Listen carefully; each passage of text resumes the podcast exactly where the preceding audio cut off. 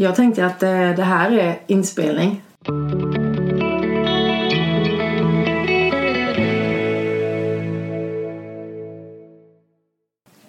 Nu, och du är vår gäst idag. Ja, vad trevligt. Per-Erik, välkommen. Tack så Det är mycket. långfredag. Och du har fått åka hemifrån från din familj Ja. och komma till oss. Vi är Ja, vi är väldigt... väldigt glada. ja, det är roligt att vara här. Ja, tack snälla. Jaha, Men jag tänker vi börjar. Vi bör- Vi ger gästen fullt utrymme. ja. Vem är du? Nu får du berätta. Vem ja, är du? vem är jag? Per-Erik Lagsjö, 62 år gammal, eh, uppvuxen i Gävle. Flyttade eh, sedermera till Stockholm. Hittade min fru, bördig från Småland och hennes föräldrar och morföräldrar hade sommarstugor här på Vemboö. Så att jag kom hit första gången 1992.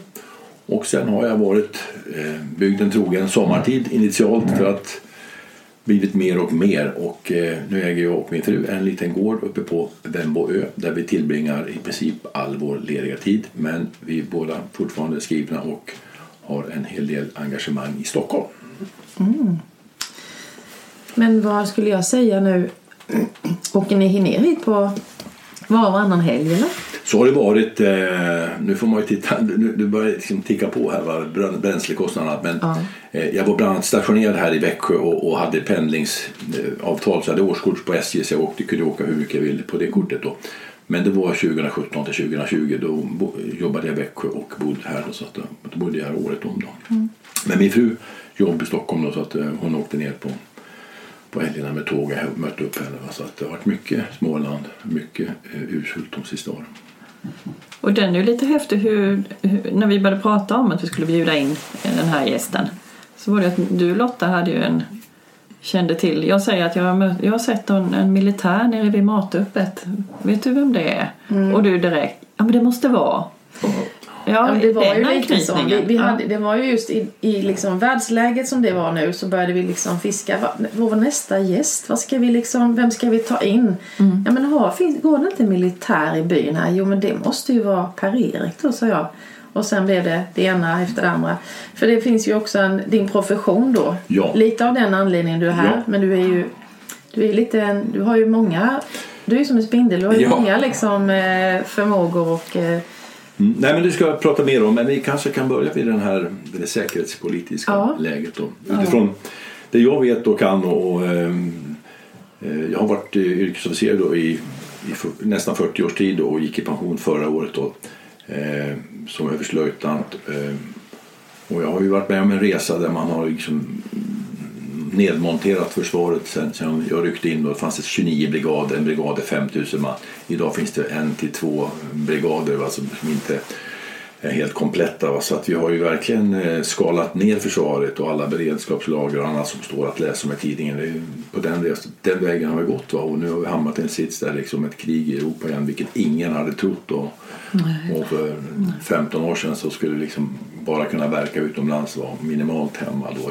Det insatta insatsförsvaret som man döpte detta och sålde ut och avskattade värnplikten. Ja, och nu står vi där vi står. Så det är en, eh, vad ska man säga, eh, nu har det här blivit vardag också. De första veckorna så satt man liksom klistrad. Men det är ju som ett folkmord och det som pågår där borta. Alltså det är fruktansvärt. Eh, ehm, och Sverige då med den debatt nu huruvida vi ska gå med i NATO eller inte. Va? Och det går ju att läsa om tidningen varje dag. Var vår statsminister träffade den finska statsministern och jag var nere och handlade potatis nu precis på, på Kalles där innan jag kom hit och det var någon löpsedel att nu var det klart. Va? Men, men inget är klart förrän det är klart va? men det har ju hänt otroligt mycket på så kort tid. va? Så att, ehm, nej, det, det, det är en tråkig situation och det får ju liksom spilla över på allt då med stigande inflation, inflation och ehm, ja, det, det, det skakar om i hela samhället detta. För det är mycket som påverkas. Ja. Men hur känner du så här då? Alltså rent nu har du varit i din... eh, Du har varit i det där livet. Alltså vad... Hur tänker man då?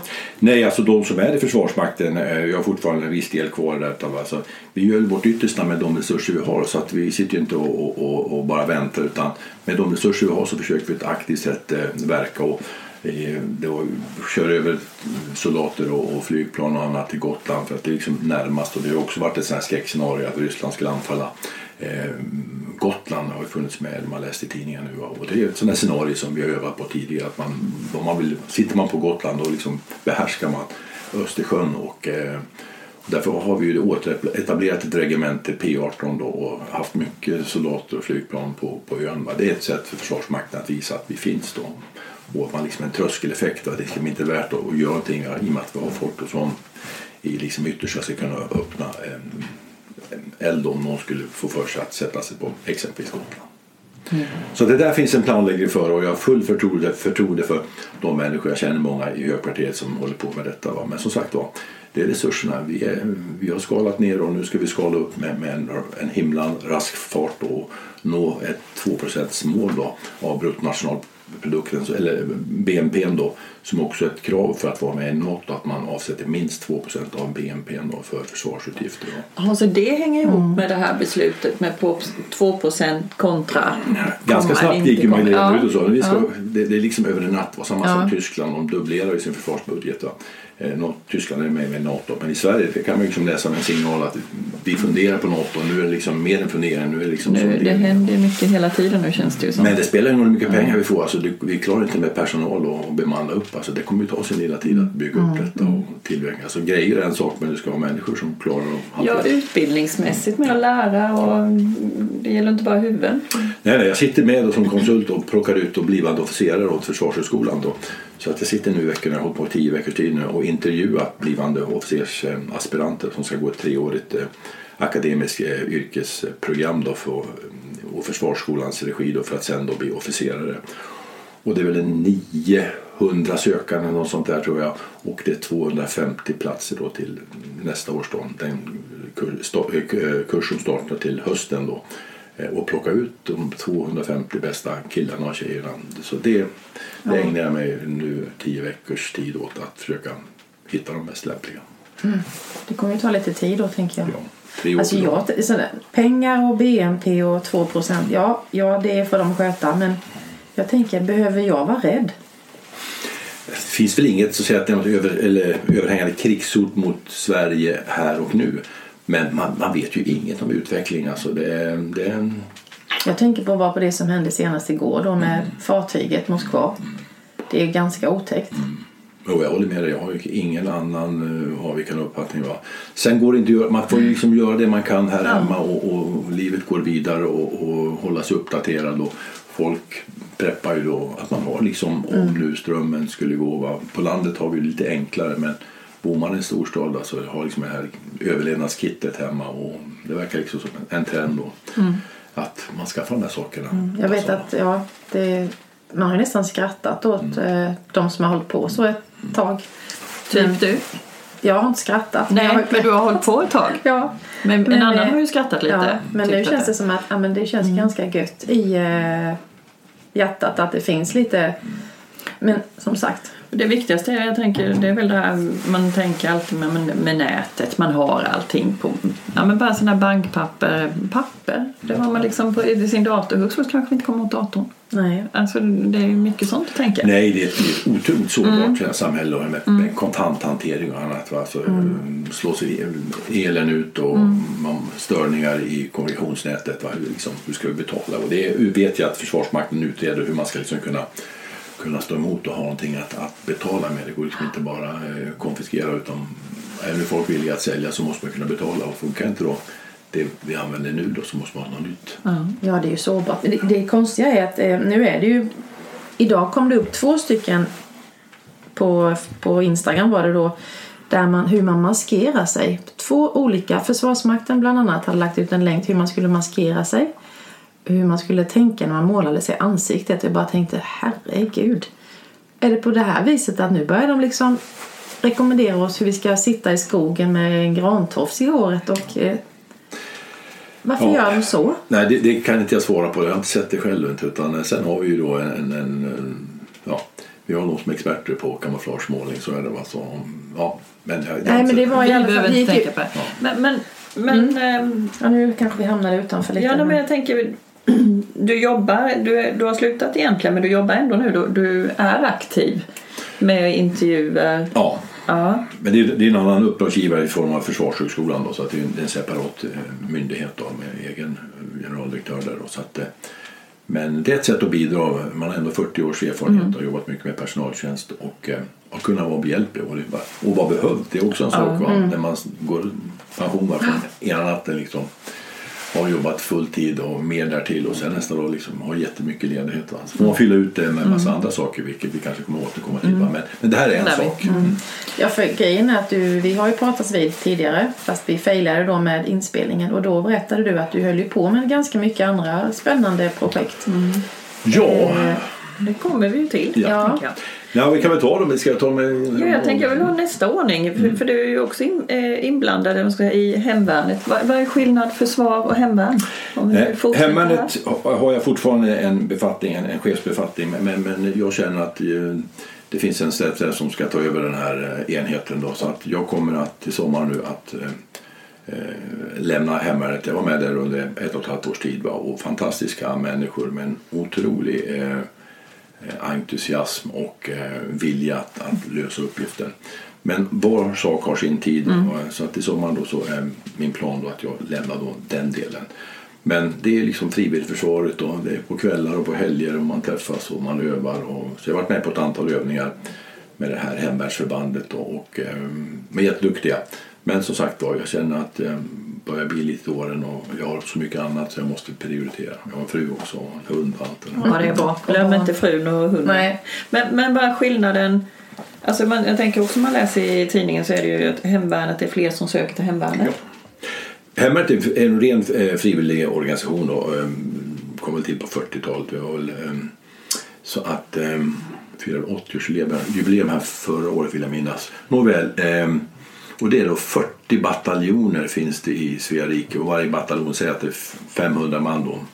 Så att eh, det är 20 000 man, män och kvinnor som på frivillig basis så väljer då att eh, göra allt från 4 upp till 15 tjänstgöringsdagar per år för att då vara i sin hembygd. Eh, det finns två bataljoner här i Kronoberg, en i, eh, eller en i Kronoberg och en i Kalmar och en i Jönköping. Så varje eh, landskap, län har, en, har också en hemvärnsbataljon. Eh, frivilligrörelse men eh, betalas då via Försvarsmakten så har de lite egna medel också. Så det, det blir ju en mixture. De flesta är välutbildade och, och eh, jätteduktiga på något civilt och så har de det här som att de brinner för det här. Det är så viktigt. De tycker det är roligt också att komma ut och en god kamratskap och annat. Och jag var ju chef här nere i Kalmar Kronoberg för mellan 2017 och 20, fram till 2020 för den utbildningsgruppen och utbildade då 34 och 35 hemvärnsbataljon. Och så jag har ju haft förmånen att springa på massa duktiga killar och tjejer här nere i Småland också. Va?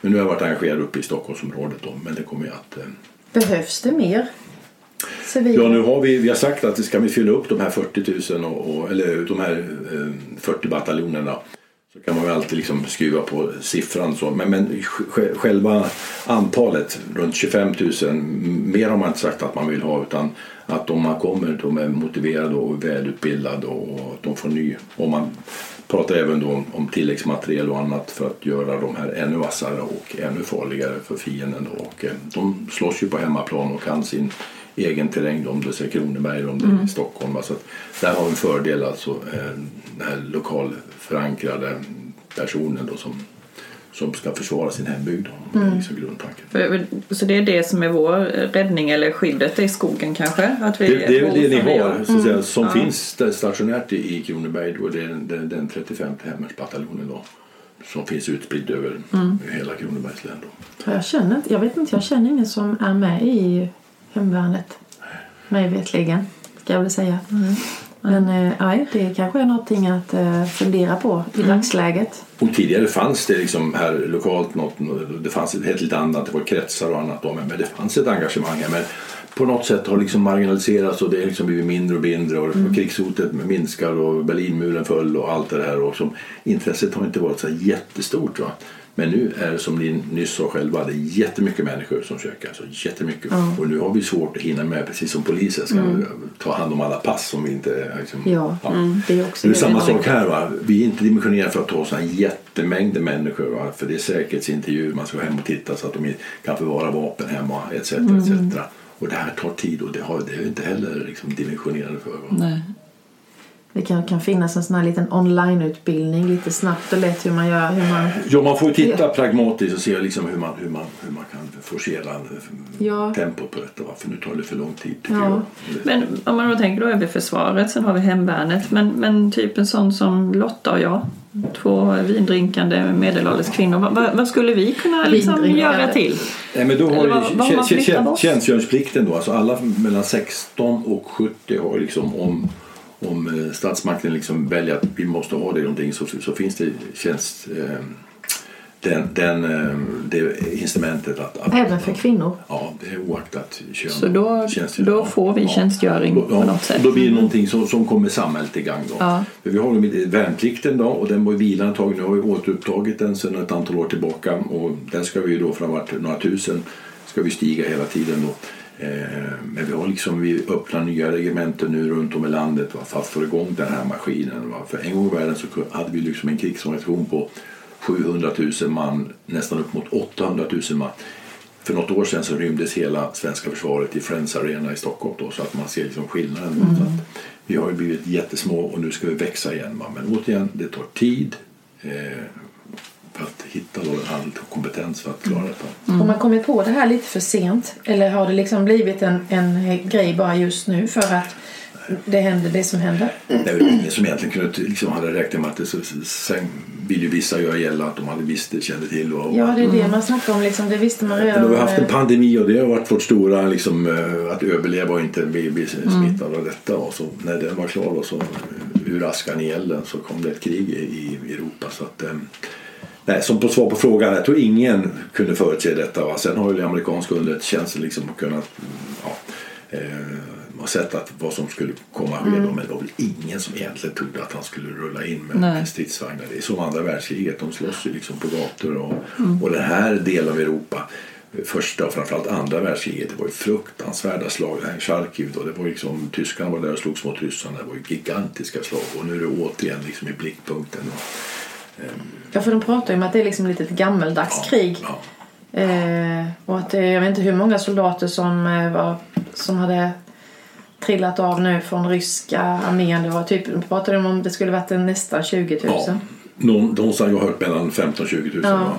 Eh, Ukrainarna är oerhört återhållsamma att rapportera hur många som har, de, även de har ju tappat många. Så det vi nu ser med alla de här civila massgravarna och folk som ligger döda på gatorna. Va? Det, det är en tragedi. Va?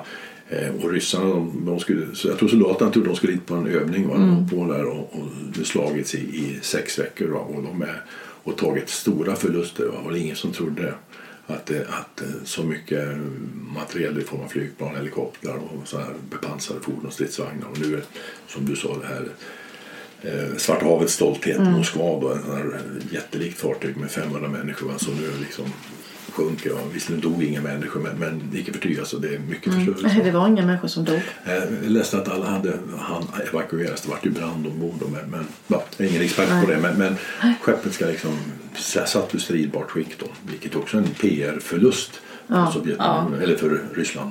Men det är nog alltså, som en annan som inte kan någonting. Eh, så har man ju alltid liksom ryssen kom, eller rys, ryssen alltid den stora, man har inte en chans. Och nu är det man ser att eh, herregud i himlen, det är något som inte stämmer där heller. Just med det här att man som militär tror det är en övning, det måste vara interna konflikter. Det, det är egentligen synd om hela ryska folket som inte kan säga något heller. Nej, man blir- man blir faktiskt Det gick så jäkla Ja, fort. ja. Liksom att från eh, februari en invasion till, som skulle vara en övning till att nu är, de, nu är det värsta kriget. Och det värsta, liksom, det, det är hemskt allt det som sker eh, på plats där nere. Men, men man vet ju inte vad liksom eskalering och, Nej. och nästa Nej. dag liksom. Ja, och håller EU samman Ja. och liksom, eller börjar liksom folk börjar, börjar EU knaka fogarna och Ja, det funderar jag på, men det kanske inte du kan säga något. Men ändå liksom någonstans. Alltså hur, hur långt får han hålla på? Det måste väl ändå vara att liksom, även euro- europeiska Ja. länder liksom känner nej men nu jävlar räcker det. Men att vågar man då ta nej, det steget? vågar man väl inte. Eller riskerna och konsekvenserna. Men jag tycker det är så skrämmande att en makthavare kan göra så mycket och få bara fortsätta och fortsätta.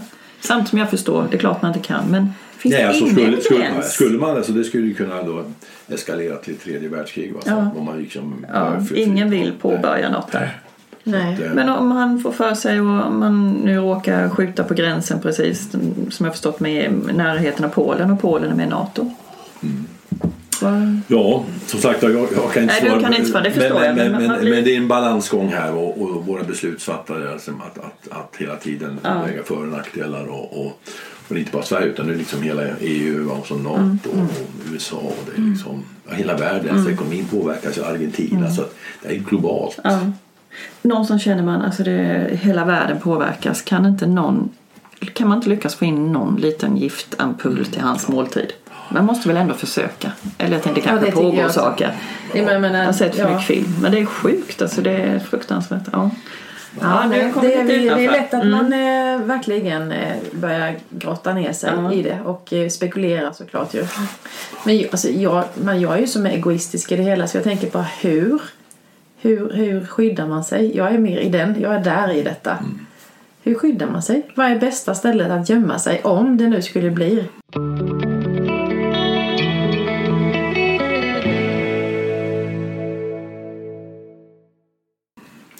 Ja, skulle det värsta hända så, så tror jag liksom förr hade vi ju såna här planer på där man skulle tömma städerna, alltså evakuera barn och, och kvinnor då på den tiden då. Och Då var vi på landet då, där skulle man ju vara för jag menar, det man ser, Här är bra då, va? Ja, det vill jag nog påstå utan att vara någon expert på detta. Men, men eh, det är ju stor, st, st, städer och viktiga knutpunkter liksom där man sätter in då exempelvis de här kryssningsmissilerna. Det skjuter man inte bara på måfå ut i landet för att man ska mm. träffa någon Nej. gran utan det är liksom att de är mindre samhällen, det är väl största chansen där. Sen om det skulle bli en offensiv här och folk, då, då kommer vi åka vissa vägar. Och den krigsplanering som vi hade tidigare och som vi har påbörjat igen då, det är liksom att titta på och då, då får ju befolkningen i den orten någon form av förvarning förhoppningsvis och, och kan evakueras ur den orten om, om kriget skulle rasa kring Tingsryd då, då Tingshusborna Jag tänker Kallinge ligger ju lite nära. ja, nej men eh, men det, det är en bra bit ändå till Kallinge va, så att eh, De håller sig i jag tror, inte, 22 jag tror inte vi här nere ska just liksom känna oro för det utan, utan vi har ju fördel också med tillgång till vatten och vi har gott om frukt i våra lager. Ja, faktiskt. Nej, det kanske är tryggt och bra. Kanske ska grotta det- ner mig i detta. Men det är bra, du har, ju, du har ju fixat lite, med, du har ju börjat med lager.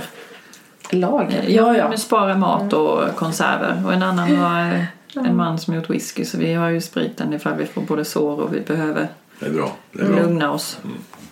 Ja. nej men det, det, ja, man, Nej, Men, men det, är, det är ju en, en del du har gjort. Men nu har du ju också fått... Du gick egentligen i pension från då militär. Ja. Men då, vad, vad hände sen?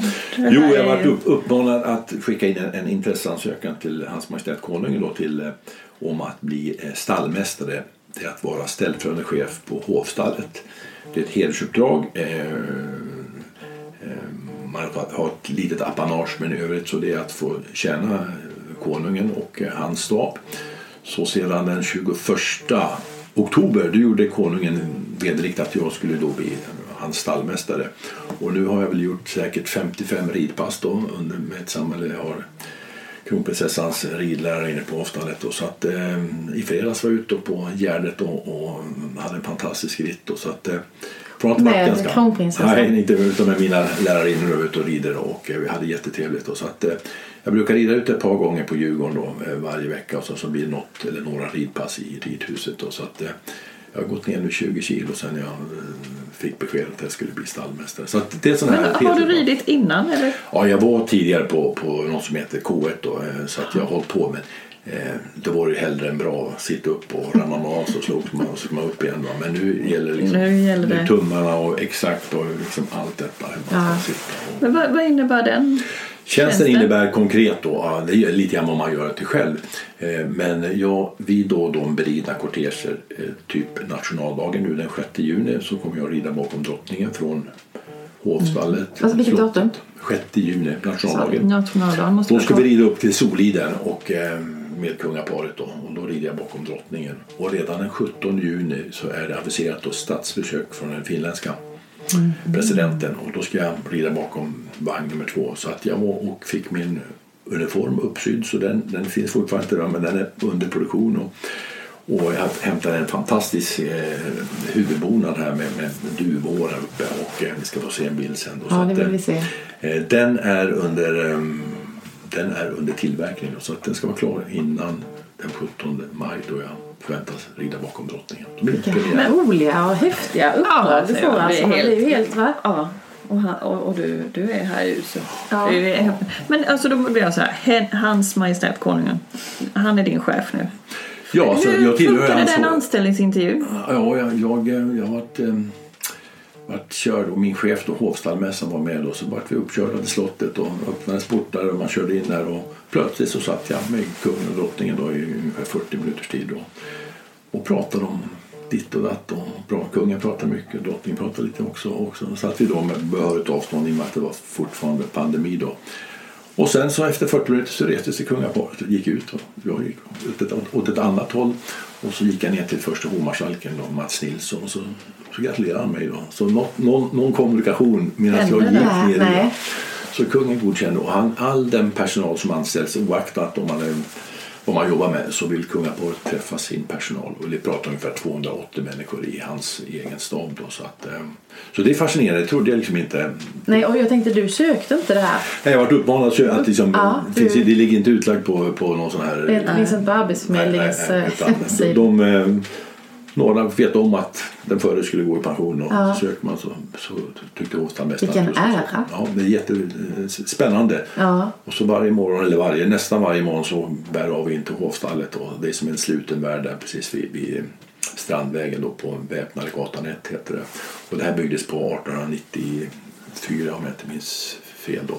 Byggdes den här och det, är som en, det är som en borg och där inne har, finns det ett, ett 15-tal i kungens stall och så ett antal eh, andra som har sina hästar inackorderade jämte alla kungens fordon och alla kungens vagnar. Så det är som ett levande museum att eh, gå där inne. Och du har då en häst där. Ja, jag har ingen egen så jag, jag kommer få en som blir liksom min då. Men, men nu har jag fått testa med olika hästar. Va? Men den som lutar åt nu det är hästen Kongo som har 1,84 mankhöjd. Så den, är liksom, shit. den är stor och jättetrevlig häst. Så den var ute och red på i fredags då. Och, ehm, nej, spännande. Så att, Ja. ehm, och sen får jag liksom, men, men de har otroligt fin hästhållning och, och, eh, och det är sju stycken anställda bara för, för hästtjänsten och den högsta hon heter beridaren då, Sara och så är det då en fodermask och så är det fem kavaljerskuskar som ser till att det snurrar på i stallet då. Så att, eh, och jag förväntas inte vara där liksom på daglig basis men, jag ska upprätthålla min ridfärdighet. Så det var svar på frågan vad jag gör och sen Ja. lite grann museiverksamhet och ja, hovstallets dag så kommer jag engagera mig. Jag kan ha visningar där på helger också. Och, och, och, det är så öppet för allmänheten då. Ja, det brukar vara sådana öppet då, hus-dagar. ja, och sen så varje helg så är det guidade visningar. Så även i Stockholm då, så, så vill jag rekommendera att eh, gå in på nätet då på Hovstaten och sen så bokar man upp sig där. Och så vet så kanske jag står där och Då guidar. kan det vara så att det är dig Och säger att ni är från Urshult så ska det extra Ja. fin guide. Men då är man ju lite nyfiken. Kan det vara så att kungen kommer ner där? Eller vad kallar du honom som chef? När han... Ja, det Eller är, vad- det är Eders Majestät då. Så att, Eders Eders Majestät.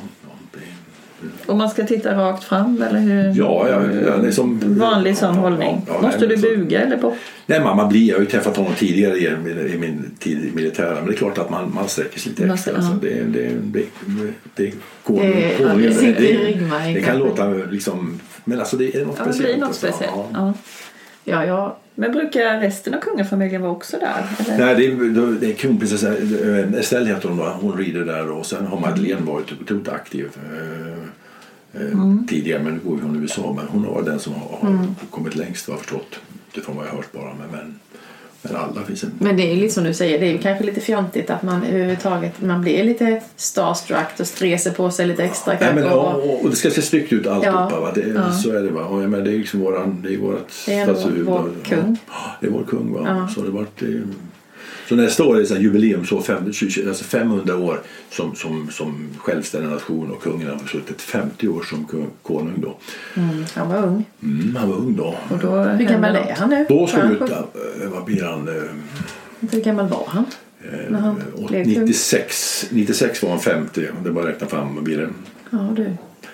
Ja, matematiken den är... Nej men han är mellan 75 och 80 Ja. där och drottningen är lite äldre då. Men då eh, planerar ni något för nästa år då? Så det är en stor, så på fredag så har en sån här, eh, hovstaten har då, man sitter på nätet och så ska man informera om jubileumsåret eh, nästa år. Då jag vet att eh, kung- kungaparet vill ut i landet och kommer inte kunna besöka alla städer men, men ett antal städer som kommer få besök då, då får man Eriksgata då, Ja, just just att vi firar 500 år som, som självständig nation och att han har suttit 50 år vid tronen. Men hur är det då, om du har någon fråga, fundering kring din eh, roll? Mm. Är det...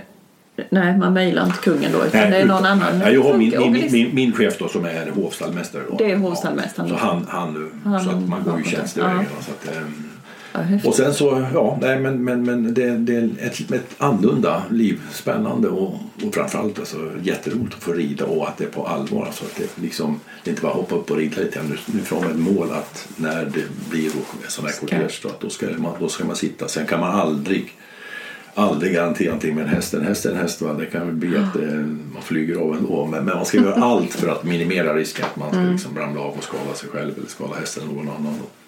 Tränar du på det också då? Inte bara utan eh, om Ja. hästen blir orolig eller de Ja, jag, jag, jag, jag utsätts då när vi rider ut nu och det är Ja. mitt i stan då så är vi ut bland eh, spårvagnar och annat. va, Så att, och, men de är, de, de är ganska tåliga de här hästarna och är liksom van då. Men, Ja, det vet man väl klart nej. aldrig. Och så rider man där på Östermalm och så är det någon byggnadsfirma som håller på där med ställningar och, så, Ja. då liksom, och sopbilen står där så att man hela tiden Var på sin Ja, vakt. får- Elsparkcyklar. Alltså Ja, vad säger de, hästarna de, eh, dem? höll på att rida på en sån här om dagen då när jag var ute och red men, men det gick bra så att peppar peppar. Ja. Eh, men jag red tidigare då lite grann så jag har varit med om bergssaker. Det var den här Stockholm Water Festival, det var 1992.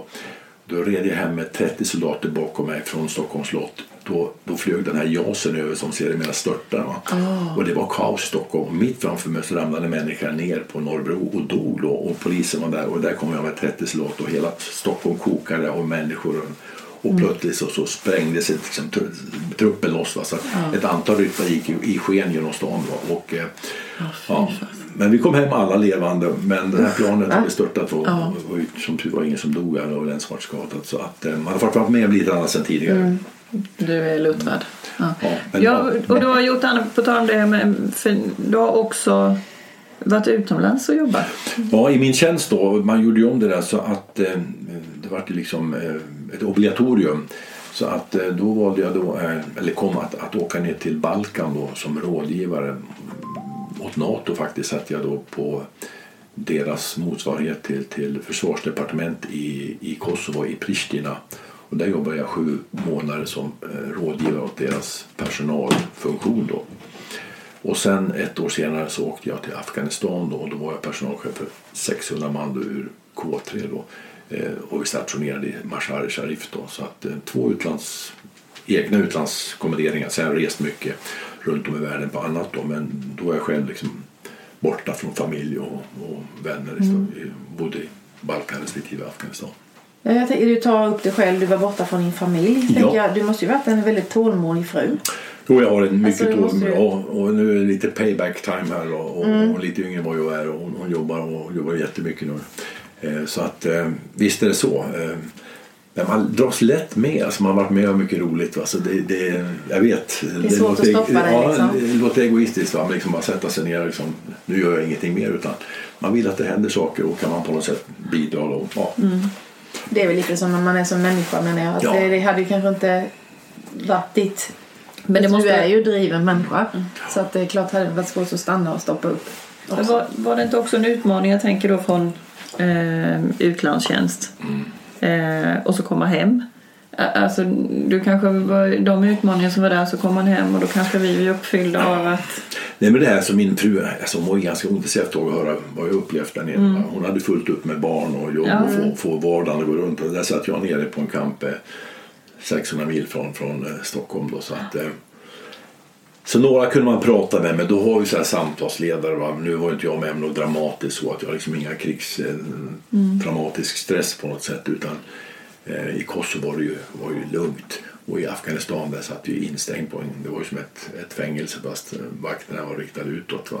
Det var ju liksom otroligt hög säkerhet då. Men det var ju folk där som sprängde av sig halva kroppen och så att jag fick ju vara med om vissa tråkigheter mig. Men det är liksom i den utbildning man har och den roll man ska spela kunna, kunna klara detta. Och, ja. Hur länge var du borta då varje Ja, gång? nej, borta, eh, jag var borta sju månader och på de sju månaderna fick man komma, åka hem två gånger. Ja. Två gånger var det så här liv då. Hur gamla var dina barn då? Då var de, eh, vad blir det, 95, 15 var sonen och 13 var dottern respektive och så ett år senare. Så att, eh, ja. Och det var ju tonåren va, så det är klart att eh, så bjöd jag ner dem till Kosovo och fick de se där för att eh, de flög till Makedonien, mina barn och, och min fru då. Och den, det armod som, det är inte att jämföra med Afghanistan men ändå fick de fick se lite grann. Men den resan glömmer de aldrig. Vi satt i- i en bil och körde runt i geggan i, i, det regnade något fruktansvärt där. Och, ja, fattigt och dant men de har ett minne för livet. De bor i min lägenhet tillsammans med mig i, i Pristina då. Mitt emellan tre moskéer som, som varje morgon drog igång klockan fem där och så hade de tävling de här som bönutroparna. Så att, eh, ja. det är spännande. Ja, vilken upplevelse. Ja, det är också en nyttig erfarenhet. För barnen med att vara med om. Ja. Ja, ja det förstår jag. Vad jobbar, ja. jag tänkte bara så dina barn, har de tagit efter någonting? Ja, Min son, han är, det tror jag inte är lugnt för honom. Han, han läser till socionom nu, vilket han kommer bli en alldeles utomordentligt bra socionom. Han läser i Kalmar och klarar i närtid. Medan dottern läste i Lund då, till kriminolog och det är hon klar med till sommaren. Men hon vill gå med i hemvärnet. Och, och så, Hon har tjatat på mig att jag ska fixa det här, men det är som sagt det är långa köer.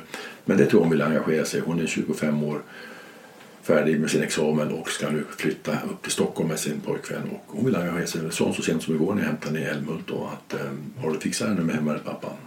Nej, sa tyvärr vi får försöka lösa det. Så. Ja, men det måste du väl kunna hjälpa till. Någon På något liten sätt, gräddfil Ja, kan det väl ja, vara, ja, eller? ja. Tänker jag. Jag tänkte det behövs. Ja, men det är ändå... Ja, ja, det, är fin, ja, det är häftigt.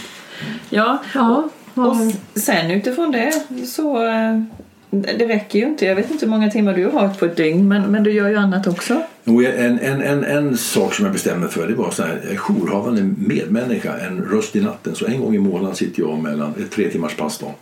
Startar 21 till 00 och så nästa pass till 03 och så sista då passet 03 till 06. Så ett sånt pass har jag i månaden när jag sitter som, som en röst i natten där människor som är ensamma ringer då anonymt och jag är anonymt så att det liksom inget men det personliga samtal där man får, får klart för sig att det är många människor som är ensamma i det här landet. Va? Otroligt, eh, alltså man kan ibland bli, ja, alltid liksom, jag får inte prata om det jag pratar om men att jag konstaterat en, en otroligt många människor som har behov av att prata med någon som inte har några vänner eller släkt eller nära kära. De sitter och så ringer de det här numret och vissa ringer varje kväll för att få prata. Och så kan man sitta i kö en halvtimme, 40 minuter innan man blir påsläppt till en ny sån här um, röst i natten. Och.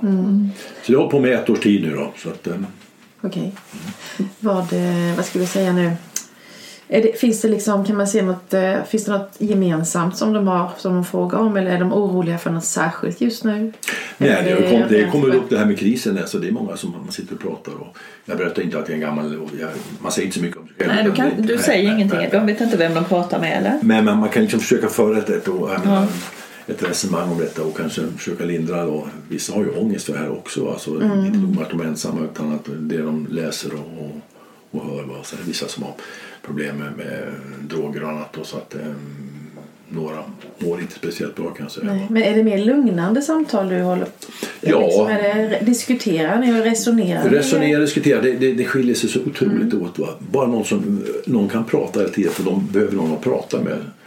Jag kan i princip bara säga mm, mm, hela tiden och sen så på slutet. Och så, det svåra är att avsluta ett samtal för liksom, Ja. vi, vi ska ju klara av ett antal under de här tre timmars passen så man inte sitter med en i, och alla andra i kön växer och ingen kommer in då. Och efter två timmar kopplas man bort. Det är en sån här regel. Så att de har suttit två timmar i kön och plötsligt så slä- slängs man ut. Så att jag försöker men alltså, liksom få den här liksom avslutad samtidigt utan att de känner sig liksom eh, vad ska jag säga, Ja, avsnoppad liksom. avsnoppade. Ja, Det är nog det svåra i det här. ja, Så- det måste det vara. och sen får man liksom, man får ju frigöra sig liksom. Jag kan inte göra deras problem till mitt problem utan man, man får försöka objektivt resonera liksom, utifrån det, de problem de redovisar. Vad man kan liksom hjälpa dem hur de börjar tänka eller liksom, har du tänkt på det eller ja. Så får du göra. ja, Ja. ja. Känner du att du har nytta av din livserfarenhet i de Det är, klart, det är klart att man kan ju liksom relatera. Man har ju varit med om dit och datt genom, genom här 62 åren. Så att, eh, visst, livserfarenhet det går liksom inte att ta bort. Det, är, Nej. nej. det, det spelar ingen roll hur många böcker, böcker man har läst eller liksom, det är att man har levt några år och varit med om olika saker. Så att, det känns ju som Ja, att man har liksom, och man, innan jag fick det här jobbet, det var ju också en uttagning och intervjuer och liksom man fick gå på möten och visa att man är intresserad. det var inget betalt för det utan det helt ideellt. Hur kom du i kontakt med Jag läste jag satt tunnelbanan på metron och den gratis tidningen. Va? Bli en jourhal medmänniska. tänkte jag kunde jag väl göra.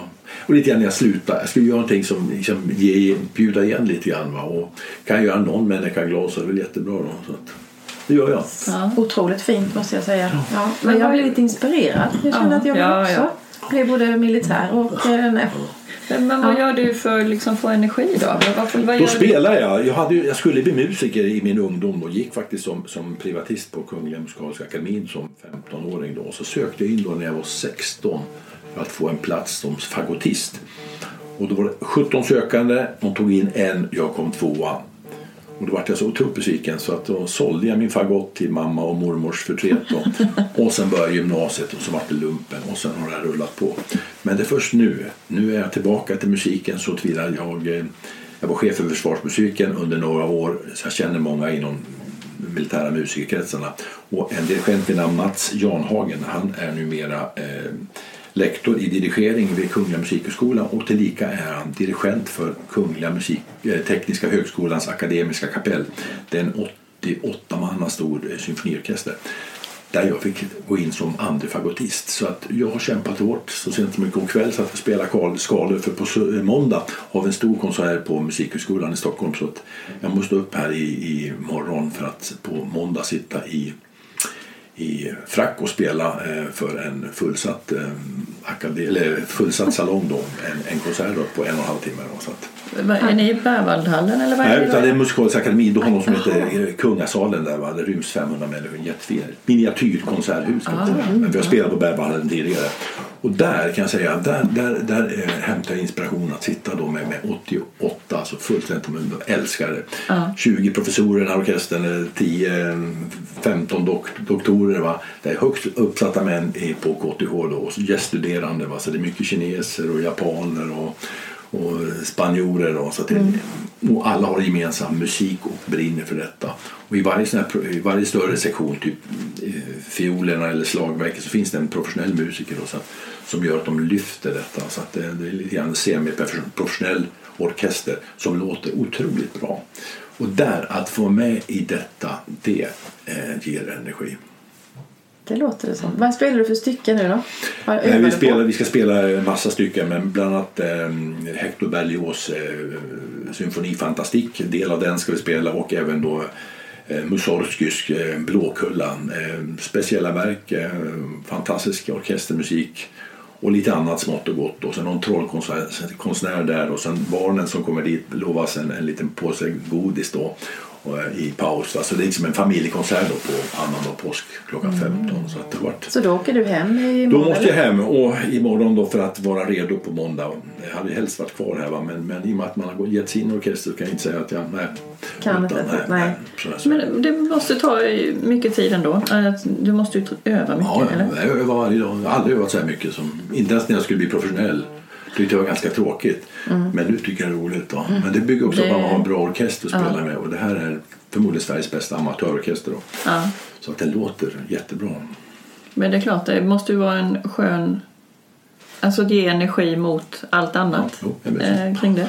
Och jag känner mig jättelyckligt Lotta att få, få möjligheten att göra detta. Jag hade liksom inte tänkt spela något mer i mitt liv. Utan, men så kom det här upp då och eh, mm, fick den chansen. Men jag måste bara Mm, fråga, det kan aldrig hända att du lägger dig i soffan och vilar en Nej, eftermiddag? jag gör inte det. Jag har svårt för det. Ja, ja, jag känner jag får dåligt samvete här nu att man tänker nu kanske man skulle vila lite i soffan. Ja, det är Nej. häftigt. Mm, så att, eh, ja, det är roligt med musik.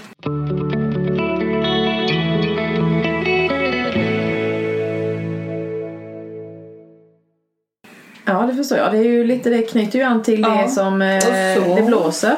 Ja, Det blåser på det Lundabacken. blåser på Lundabacken. Då är det som så att för förra i somras då, eller förra sommaren då, pandemisommaren där då, så, så det slog det mig att den här pandemin, pandemin måste ha ett slut.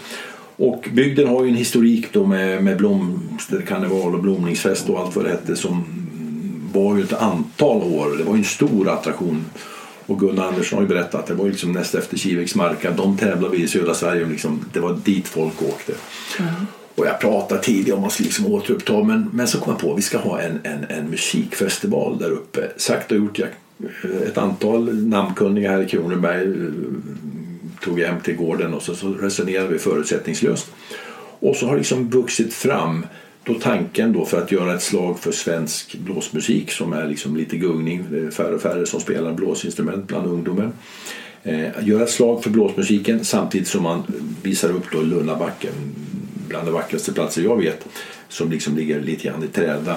Eh, en kombo där att, att musikerna har en konsert på Lundabacken. Sagt och gjort så har vi nu på och rekryterat, det var tanken från början 30 proffsmusiker från Småland men det har fått öka eller sänka ambitionen hur man nu ser det. Så att den lista jag visade er tidigare om eh, Det är, liksom, det, är, det är musiker från hela Sverige, ett antal namnkunniga från Småland.